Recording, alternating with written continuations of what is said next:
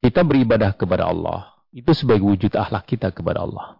Ketika Allah memberikan kaulnya, firmannya bahwa wa ma khalaqtul jinna wa insa illa liya'budun itu menjadi satu pegangan bagi kita bahwa kita memang manusia ini diciptakan semata-mata untuk beribadah kepada Allah.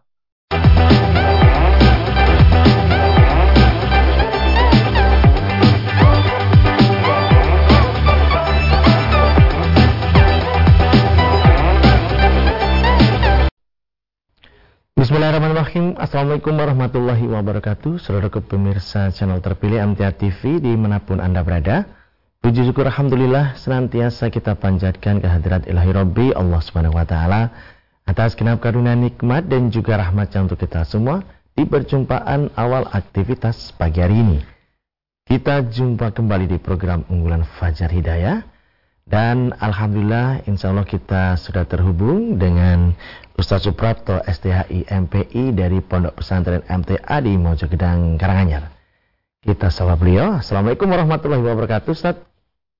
Waalaikumsalam warahmatullahi wabarakatuh Mas Tommy. Ya, kabar baik dan sehat pagi ini Ustaz. Alhamdulillah, alhamdulillah binillah. Alhamdulillah, baik. Dan pemirsa nanti bisa bergabung bersama kami di line telepon 02716793000 SMS dan juga di WA kami di 08 11 255 3000. Segera kita akan simak pelajaran kita pagi ini. Silakan Ustaz. Baik, terima kasih. Bismillahirrahmanirrahim. Assalamualaikum warahmatullahi wabarakatuh. Alhamdulillahi alamin. Walladhi arsala rasulahu bil huda wa dinil haq. Liyudhhirahu ala dini walau karihil kafirun. Asyhadu an la ilaha illallah wahdahu la syarikalah wa asyhadu anna Muhammadan abdu rasuluh. Allahumma salli ala Muhammad wa ala alihi wa ashabihi wa man tabi'a hudahum bi isanin ila yaumiddin. Wa qala ta'ala fi kitabil aziz, a'udzu billahi minasy syaithanir rajim. Bismillahirrahmanirrahim. Ya ayyuhallazina amanu taqullaha wa qulu qawlan sadida.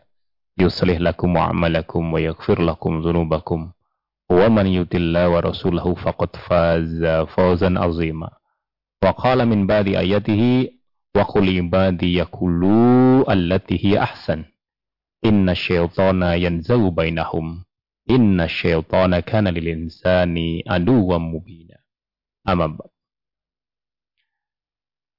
Bapak dan Ibu, saudara-saudari semuanya yang berbahagia, di hari ini kita bersyukur kepada Allah masih diberikan kesempatan Sekali lagi masih diberi kesempatan untuk senantiasa meningkatkan, memperbanyak, menjaga apa yang telah Allah berikan kepada kita. Terutama nikmat iman dan Islam yang Allah berikan kepada kita yang tidak semua manusia diberikan nikmat ini.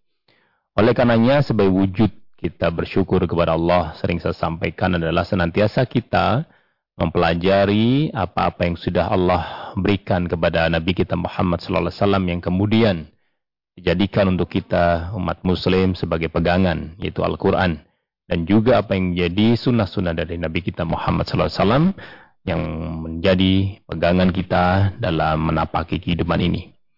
Bapak dan Ibu, di beberapa pekan yang lalu kami juga senantiasa menyampaikan bahwa muhasabah yang kita lakukan senantiasa adalah dari hari ke hari paling tidak. Kalau kita misalnya di pagi sampai malam berarti malam hari sebelum kita tidur. Kita mengingat apa yang sudah kita kerjakan, kemudian kita beristighfar tentu dari hal-hal yang kadang kita tidak sengaja atau kelelahan kita, kezaliman kita yang tidak terasa, itu membuat hal-hal yang kurang pas, kurang nyaman dalam pandangan agama kita. Dan di pagi hari ini kami akan menukilkan dua hadis paling tidak, walaupun satu makna, yang mana hadis ini menjadi pengingat kita bahwa dalam kita beragama, ketika kita sudah merasa kita sudah belajar, kemudian kita mencoba berinteraksi dengan hati kita dan kita meyakini. Apalagi yang tersampaikan adalah ayat Al-Quran, hadis-hadis Nabi kita Muhammad SAW yang sahih, maka kita mencoba untuk mengamalkan. Tetapi ketika kita mengamalkan ada kemudian terkait dengan beberapa hal yang itu saling eh, berkaitan sangat erat. Kita beribadah kepada Allah, itu sebagai wujud akhlak kita kepada Allah. Ketika Allah memberikan kaulnya, firmannya bahwa wa ma khalaqtul jinna wa insa illa liya'budun itu menjadi satu pegangan bagi kita bahwa kita memang manusia ini diciptakan semata-mata untuk beribadah kepada Allah. Beribadah tentu dalam yang sudah kita uh, pahami bersama. Selain yang mahdo dan huru mahdo. Selain sholat, puasa, zakat, haji di dukun Islam kita itu, kita juga termasuk berbuat baik, berakhlak yang baik kepada sesama. Kita kepada Allah dengan beribadah kepadanya, mentaati apa yang Allah perintahkan kepada kita. Kemudian kepada Rasul kita Muhammad SAW dengan mentaatinya, menjauhi apa yang dilarang olehnya, dan kepada manusia sesama kita yang uh, horizontal semesta ini. Terkait dengan ini, ada hadis yang kemudian uh, yang dibuatkan oleh Ibnu Hibban ya. Kami bacakan di sini. uh, Bismillahirrahmanirrahim. An Nabi Hurairah anna rajulan qala Ya Rasulullah inna fulana dzakara min kasrati salatiha ghairu annaha tu'dhi bilisaniha qala finnar qala ya rasulullah inna fulana dzakara min qillati salatiha wa siyamiha wa innaha saddaqat bi aswari aqitin ghairu annaha la tu'dhi jironaha. Qal hiya fil jannah. Uh, Bapak dan Ibu, kalau kita lihat di arti yang akan kami sampaikan, bahwa dari Abu Hurairah bahwasanya ada seorang laki-laki yang bertanya, Ya Rasulullah, sesungguhnya si fulanah rajin atau banyak melakukan sholat, tetapi dia sering menyakiti orang dengan lisannya. Beliau bersabda, ia di neraka. Laki-laki itu bertanya lagi, Ya Rasulullah, Sesungguhnya si fulanah tidak begitu rajin atau banyak salatnya dan puasanya. Dan sesungguhnya ia bersedekah dengan potongan-potongan keju, tetapi dia tidak menyakiti tetangganya. Beliau bersabda, ia di surga. Kalau kita membaca hadis ini dan merasakan, seakan-akan Rasul kan betul-betul sangat amat keras menegur kita ya, menegur orang yang sudah merasa beribadah kepada Allah dengan banyak. Dikatakan di situ banyak ke eh, sholatnya, puasanya, artinya puasa Ramadan maupun puasa sunnahnya dikerjakan. Ya mulailnya selain yang mafrudoh juga dikerjakan nawafilnya.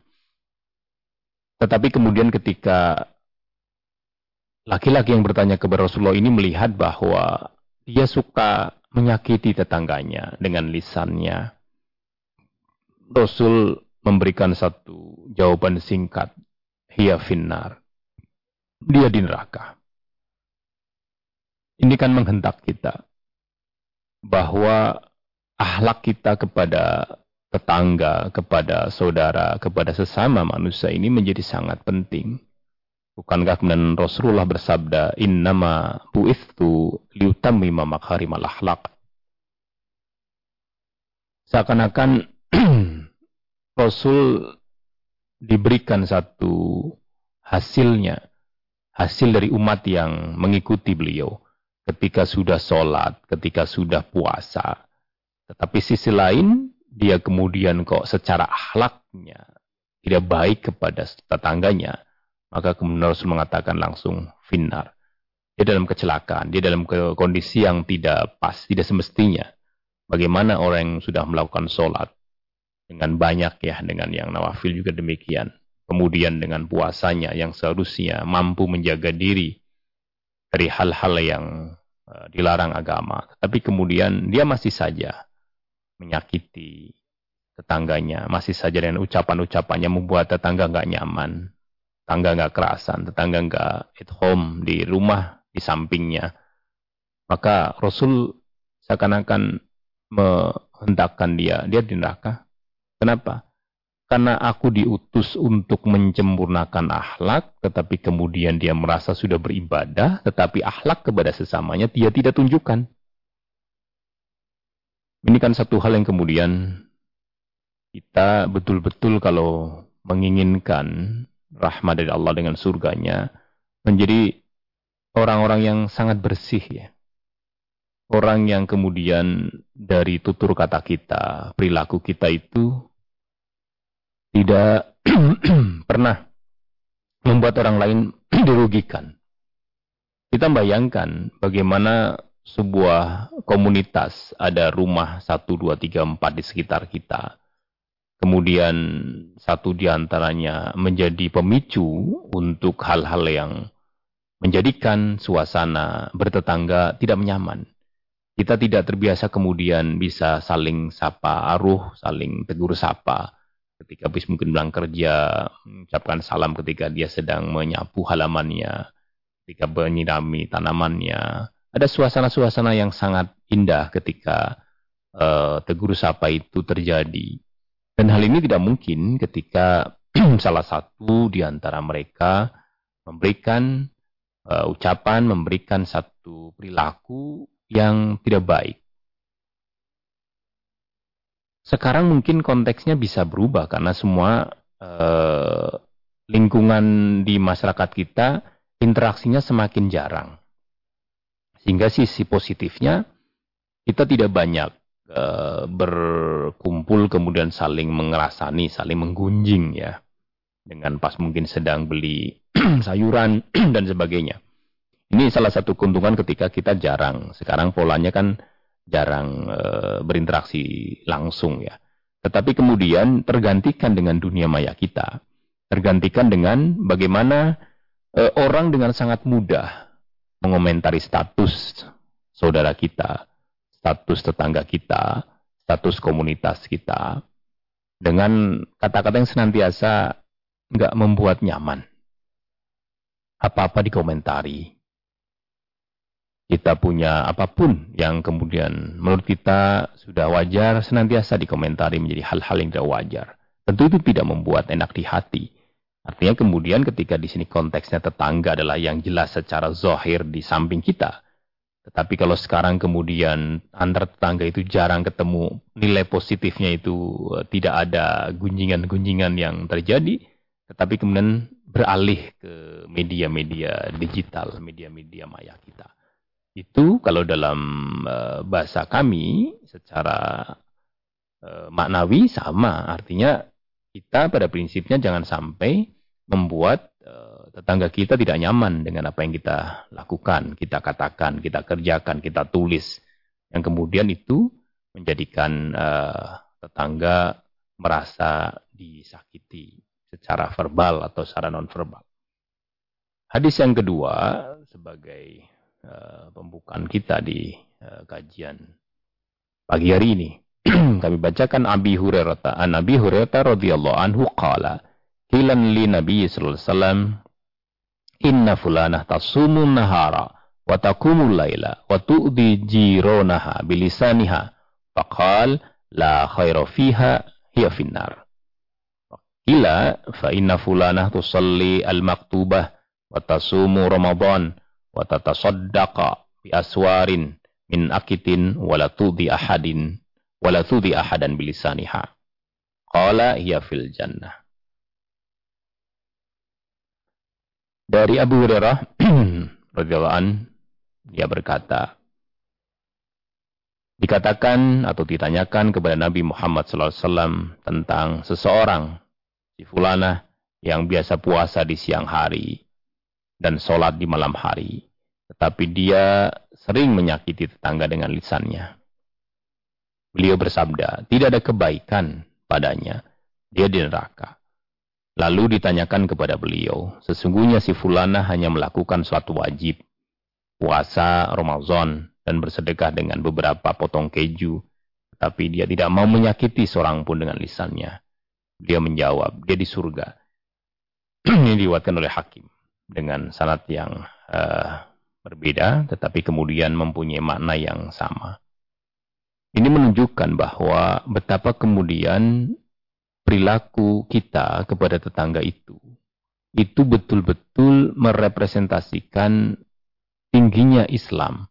Ketika Islam memberikan porsi yang kuat kepada akhlak yang baik, perilaku yang baik, karakter yang baik, kemudian kok ada orang yang mengaku muslim, mengaku beriman, kemudian ditunjukkan dengan salah zohir, melaksanakan sholat, kemudian mengklaim puasa, kemudian bersedekah, tetapi kemudian dalam sedekahnya, dalam puasanya, dalam sholatnya, yang kemudian seharusnya perilaku-perilaku ini, ibadah-ibadah ini membuat dia bisa lebih tawadu, bisa lebih mampu menghargai yang lain, tetapi kemudian itu tidak dilakukan, justru malah kebalikannya Sholatnya, puasanya yang terlihat cukup memberikan satu gambaran beliau seorang yang muslim maupun muslimah, tetapi kemudian ucapannya, perbuatannya itu menyakiti hati tetangga, menyakiti sanak saudara, menyakiti so, apa namanya persaudaraan-persaudaraan atau persahabatan-persahabatan yang ada,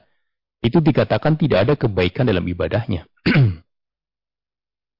Artinya kita bisa memberikan satu uh, kesimpulan pendek bahwa kalau kita sholat, kalau kita puasa, maka seyogianya hasilnya itu selain Allah memberikan ridho kepada kita, perilaku kita itu semakin baik. Perilaku kita itu semakin terhadap orang lain itu senantiasa husnudonya dikedepankan. Sikap-sikap terbaik kita untuk senantiasa menegasikan, meniadakan pra, e, prasangka yang buruk kepada tetangga kita, kepada saudara kita itu senantiasa terjauh atau dijauhkan sama sekali. Bagaimana mungkin kita puasa saja di sini disebutkan puasa yang sunnah pun dilakukan. Ya mulainya dilakukan. Bagaimana dia mengklaim hubungannya kepada Allah dengan hubungan yang baik, sementara kemudian akhlaknya kepada tetangga yang di uh, perintahkan Nabi kita untuk menghormati tetangga, bahkan kemudian orang yang imannya sempurna, tentu akan bisa melakukan penghormatan ini, penghargaan ini kepada tetangga-tetangga kita. Sehingga dengan kehadiran kita, di mana pun orang Islam berada, di mana pun orang mukmin berada itu, tetangga-tetangga akan e, merasa nyaman. Saudara-saudara di samping kita, kanan kiri kita, depan belakang kita itu merasa nyaman. Itu yang kemudian ingin Islam uh, berikan.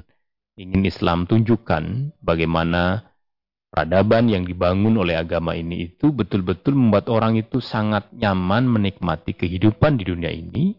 Hubungan kepada Allah SWT itu berlaku dengan damai, nyaman, tenang.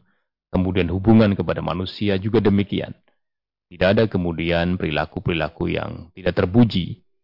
Ini sangat basic, sangat dasar. Ya. Artinya ketika sangat dasar saja Nabi memberikan satu satu penegasan yang jelas. Tidak ada kebaikan. Tidak ada kebaikan dalam ibadahnya, dalam apa yang dilakukan. Kalau polanya,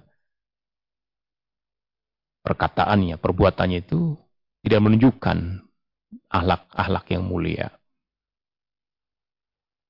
Tentu sangat tidak nyaman sekali lagi kami sampaikan. Tetangga yang kemudian rumahnya bersebelahan, tetapi suasananya menjadi panas. Hatinya jadi uh, nggak nyaman tinggal. Tidur malam nggak nyaman. Pagi sudah mendengarkan kunjingan, ocehan. Yang kalau kita dengarkan itu tidak pantas sebagai orang Islam. Apalagi kemudian kita yang sudah mengaji. Tentu ini hal-hal yang kemudian kita sekali lagi mengintrospeksi diri bermuhasabah diri. Apakah hari kemarin atau satu pekan ini ada kata-kata kita yang tanpa kita sadar itu menyakiti.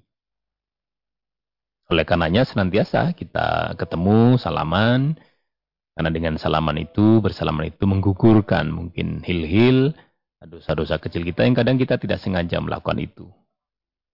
Oleh karenanya sekali lagi kepada Bapak, Ibu, Saudara-saudari semuanya di forum uh, Jumat pagi ini di Fajar Hidayah ini, kami mengajak kepada diri kami pribadi dan kepada yang hadir bagaimana akhlak dalam Islam ini lain kepada Allah, kepada Rasulnya, kemudian juga kepada sesama. Dan kadang sesama ini kemudian kadang terla, terlalaikan ya. Seakan-akan kalau kita sudah sholat, kita sudah zakat, kita sudah uh, puasa, apalagi nanti haji ya besok uh, di bulan-bulan depan kan ini udah dulu kodah daripada berangkat di bulan-bulan Juni ini itu uh, melalaikan bahwa ucapan kita itu ada nilainya. Ucapan kita akan terekam. Ucapan kita itu bisa berimplikasi hukum. Kita menyampaikan hal yang tidak baik. Implikasinya adalah boleh jadi ada kedustaan. Ada kemudian ke tidak nyaman di keluar di tetangga kita. Maka hukumnya apa? Itu haram. Gak boleh. Tidak ada kebaikan apa pun yang dilakukan dengan ibadahnya kalau masih berbuat demikian. Makanya kita senantiasa berdoa kepada Allah untuk tidak ada hil kepada saudara kita yang sudah beriman. Walataj'al hillalillazina amanu. Yang kemudian senantiasa kita mohonkan kepada Allah. Karena tadi syaitan akan menggoda kita, akan merujuk atau merajuk kita untuk berbuat hal-hal yang membuat perselisihan. Itulah setan makanya fasta'id billah. Maka berlindunglah kepada Allah dari godaan setan yang kemudian setan ini sebagai musuh yang nyata bagi kita. Yang harus kita lawan, perilaku-perilaku yang jelek dengan mengedepankan akhlak-akhlak yang terbaik yang bisa kita lakukan sebagai wujud kita orang yang beriman kepada Allah Subhanahu wa taala, orang yang taat kepada Nabi kita Muhammad sallallahu alaihi wasallam yang telah menyampaikan aturan-aturan bagaimana kita bermasyarakat selain dari apa yang Allah turunkan di firman-firmannya juga diimplementasikan oleh Nabi kita Muhammad sallallahu alaihi wasallam. Kami kira ini yang bisa kami sampaikan di sesi pertama ini. Kan Anda bisa bergabung bersama kami di line telepon 02716793000, SMS dan juga di WA kami di 08 11 255 Namun sebelumnya kita akan simak beberapa informasi dalam rangkaian jeda pariwara berikut ini. Baik saudara pemirsa channel terpilih MTA TV di mana pun Anda berada, terima kasih Anda masih setia bersama kami, khususnya di program unggulan Fajar Hidayah pagi ini. Kami persilahkan kesempatan pertama di line telepon 02716793000 untuk bisa bergabung. Halo, Assalamualaikum. Halo, Assalamualaikum. Waalaikumsalam warahmatullahi wabarakatuh. Ya, dengan siapa? Di mana Ibu? Dengan Bu Umar di Delanggu. Ya, silakan Ibu Umar di Delanggu. Terima kasih. Assalamualaikum Pak Ustadz. Waalaikumsalam warahmatullahi wabarakatuh. Ini Ustadz, berit Ya, gimana Bu? Beribadah atau bersama itu jangan menurut angan-anganmu sesuai dengan surat Anisa ayat 1 2 3. Ya ini seumpama ada seorang ibu menyuruh anaknya atau saudaranya atau temannya. Pokoknya yang penting itu zakat, infak, terus beramal baik, sholat, terus melakukan hal yang terbaik dan tidak menyekutukan Allah, tidak mencir, tidak buat sirik, yang penting zakat infak setiap hari kalau dapat seberapa harus diakati. Yang penting zakat infak sholat terus mengamalkan yang baik-baik. Itu Ustaz. Itu gimana Ustaz? Sudah betul atau salah gitu Ustaz mohon tahu tahu siapnya ini orangnya mendengarkan Ustaz Terima kasih. Wassalamualaikum warahmatullahi wabarakatuh. Waalaikumsalam warahmatullahi wabarakatuh. Jadi ibu ya, tadi kaitannya dengan jangan apa namanya kita beribadah sesuai dengan angan-angan kamu itu. Ini lebih kaya begini Bu. Jadi orang-orang Nasrani dan Yahudi itu itu kan mengatakan bahwa tidak akan masuk surga itu kecuali kita orang Yahudi dan Nasrani. Jadi itu kan kemudian angan-angan mereka. Mereka mengatakan kalau kita berbuat demikian dan demikian kita bisa masuk surga. Kita di surganya beberapa saat dan eh, di nerakanya beberapa saat saja dan sebagainya. Semua yang kemudian kita melampaui satu hal yang kemudian di luar uh, kemampuan kita itu disebut angan-angan. Katanya yang ibadah tadi kaitannya dengan surga neraka tentu kan kita tidak tahu kan itu masalah yang samiat tetapi kemudian orang yang beramal saleh, ya, beriman, beramal saleh, baik laki-laki perempuan, Allah janjikan kepadanya surga. Artinya kemudian ada uh, penjelasan dari Allah dan Rasulnya itu yang kemudian kaitannya dengan ibadah itu jangan menggunakan angan-angan kamu karena semuanya sudah ada ketentuannya. Tetapi kemudian kalau ibu tadi mengatakan atau menyampaikan kepada putranya, kepada keluarganya untuk berbuat baik, karena berbuat baik tentu dengan landasan iman, Allah akan memberikan pahala itu. Itu bukan angan-angan ibu, karena memang begitu. Jadi kita orang-orang yang beriman, beramal saleh, ya kita akan mendapatkan pahala itu. Sehingga misalnya tadi kalau kita apa namanya punya rezeki, ya kita keluarkan zakat kita. Itu juga bukan angan-angan. Wa mimma razaqnahum yunfiqun dan dari sebagian apa yang kami anugerahkan kepada mereka, itu mereka juga menginfakkan. Maka dalam konteks ini, ibu tidak dalam uh, apa koridor berangan-angan. Itu sudah betul untuk apa namanya uh, pesan-pesan kita kepada keluarga, pesan kita kepada putra-putri kita untuk berbuat baik. Jangan do, jangan bohong, jangan uh, berbuat hal-hal yang curang dan sebagainya itu adalah agama. Itu adalah akhlak kita. Demikian Ibu. Ya.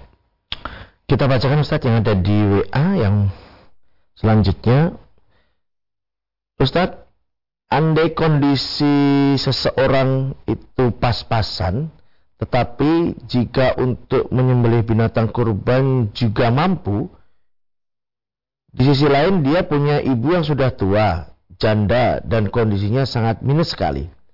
Bagaimana jika orang tersebut tidak menyembelih binatang kurban, kemudian uangnya uang kurban tersebut diberikan kepada ibunya untuk kebutuhan sehari-hari dan juga bisa untuk bayar hutang ibunya.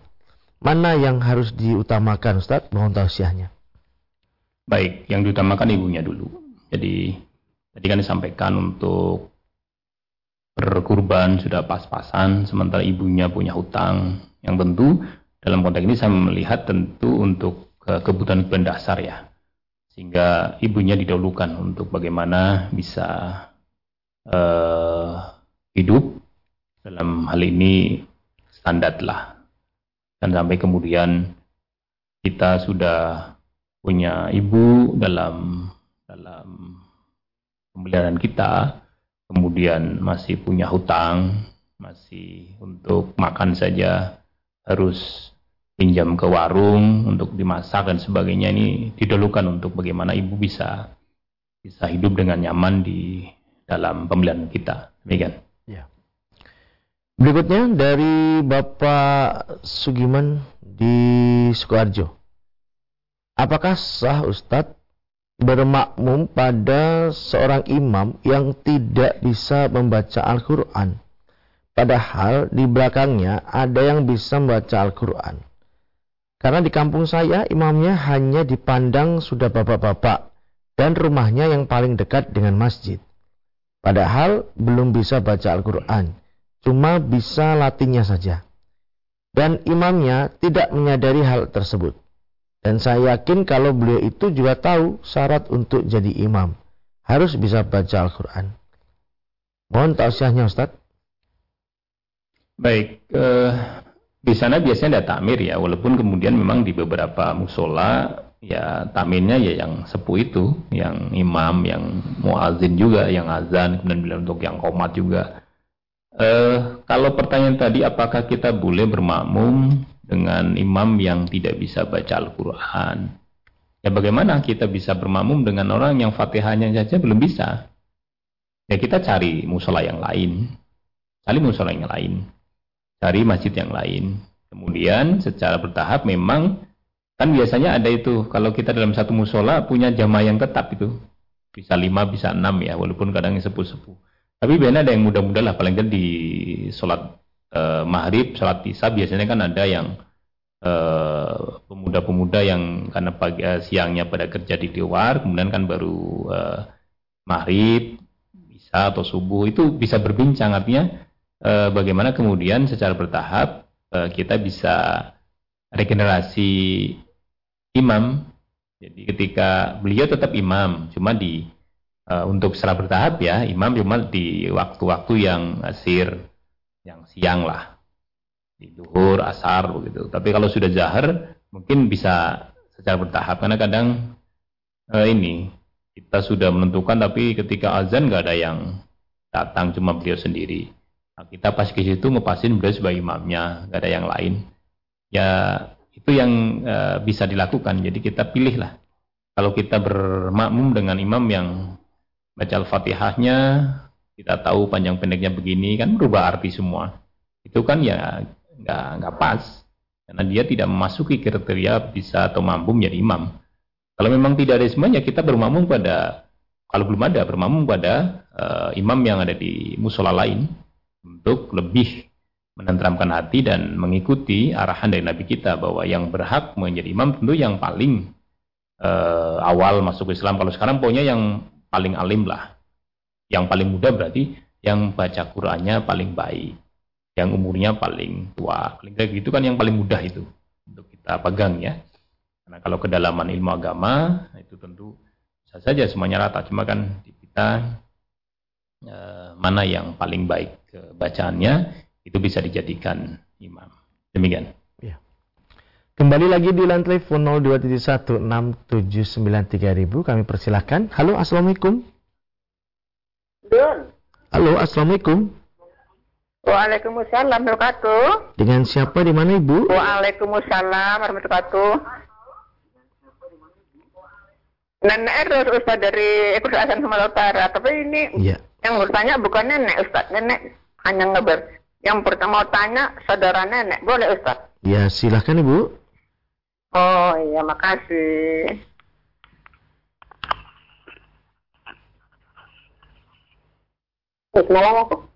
Ya, ini dengan ibu siapa? Dengan Ibu Indonesia. Ibu Indun. Silahkan ibu. Iya. Assalamualaikum Ustaz. Waalaikumsalam warahmatullahi wabarakatuh Ibu. Saya Ibu Indun, umur saya 67 tahun. Saya ingin bertanya Ustaz, dalam kondisi saya yang sekarang ini, eh, kadang saya kalau udah bangun malam, saya susah tidur lagi Ustaz. Jadi saya bertanya sama Ustaz, apakah dalam kondisi yang saya yang payah tidur itu dan dalam keadaan saya yang udah batal, bolehkah saya berzikir-zikir Ustaz? Menyebut asma Allah ataupun istighfar. Boleh Ustaz? Ya. Ada lagi?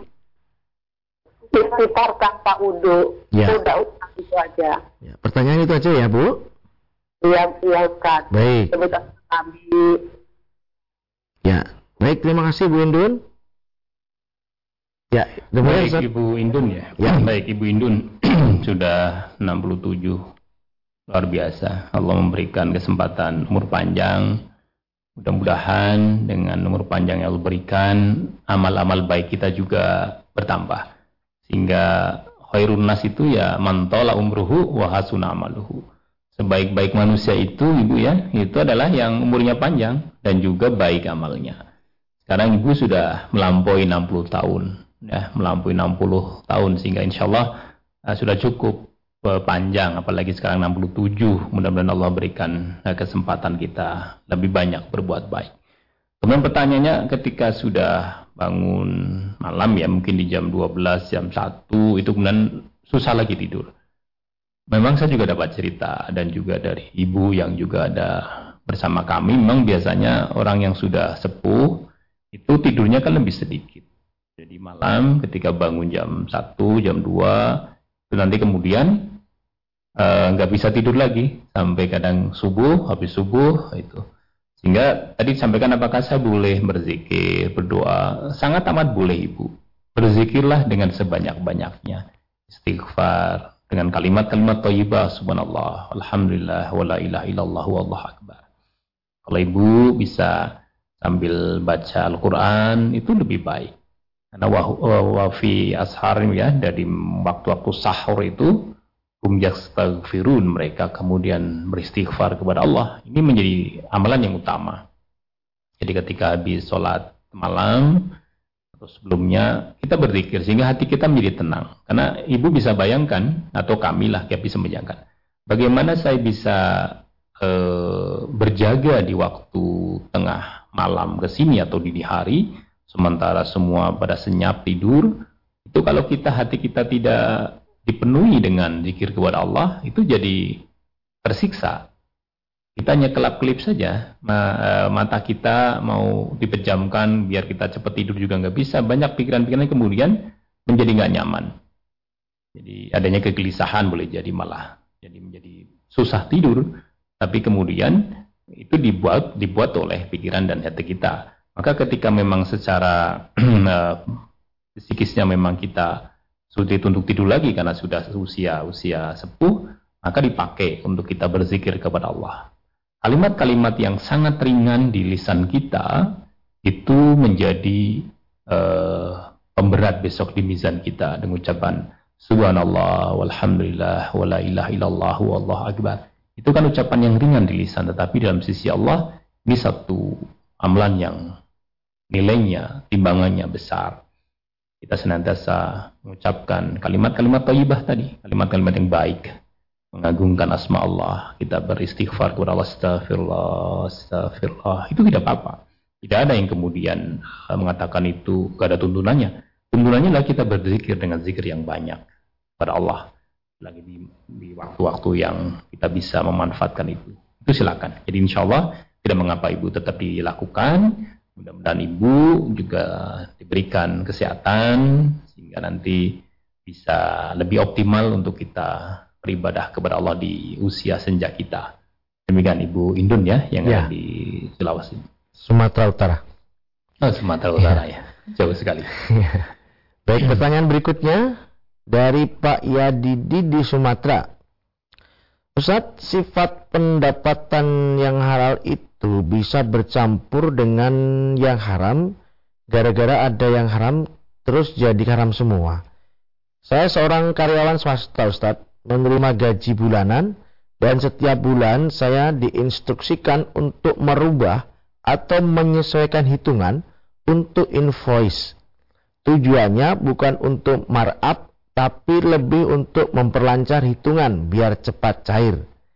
Jadi, apakah pendapatan saya menjadi haram semua atau mendapatkan dosa pada saat melakukannya saja Ustaz? Mohon tausiahnya.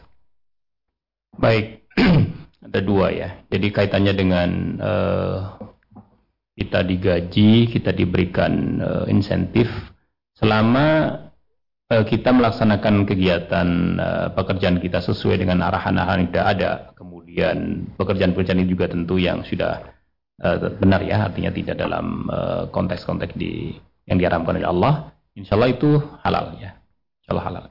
Yang kedua ketika konteks tadi, apakah kemudian dengan mengubah invoice itu, tapi tadi disampaikan memang tidak untuk markup. Saya tidak tahu konteksnya, tetapi kemudian kalau eh, bagian keuangan itu sudah tahu, kemudian eh, kita di bawah merubah itu untuk mempermudah pencairan dana, tapi tidak memarkup ya. Nah ini yang dirubah yang apa? Apakah Uh, saya tidak tahu konteks ini, maka kami tetap uh, memohonnya kepada Bapak itu semaksimalnya hal-hal yang memang secara uh, hati kita nggak nyaman itu ditanyakan saja. Saya nggak bisa Pak kalau ini kan nggak nyaman ya untuk saya kerjakan.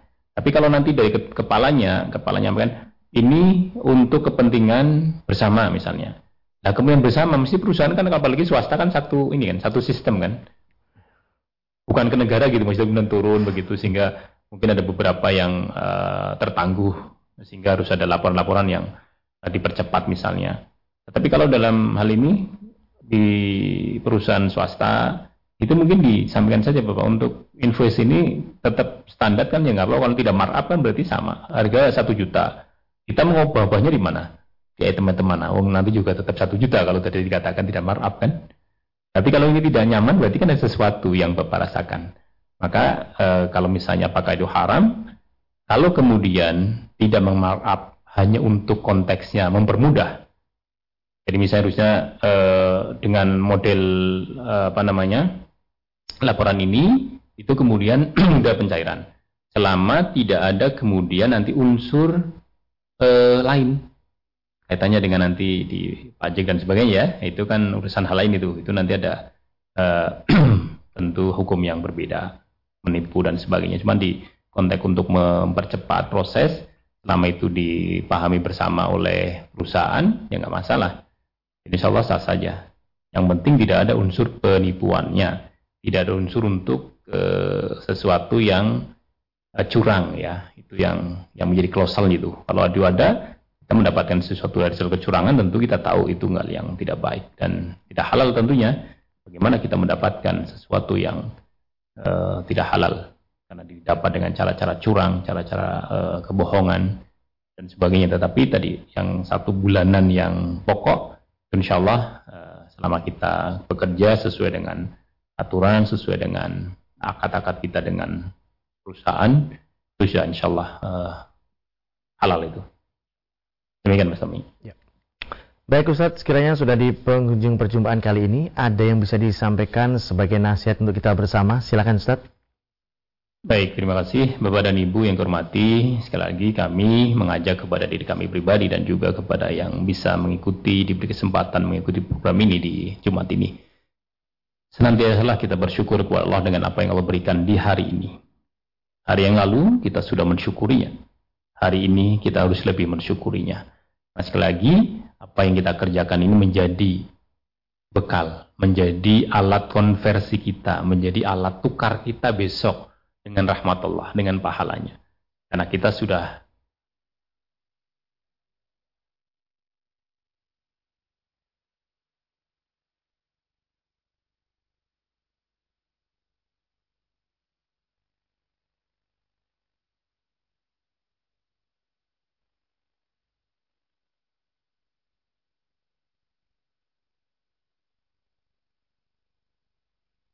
Bapak Ibu bisa sadari kalau orang yang sudah meninggal ketika zaman Nabi Adam sampai sekarang dan sekarang belum uh, kiamat, maka sudah berapa ribu tahun?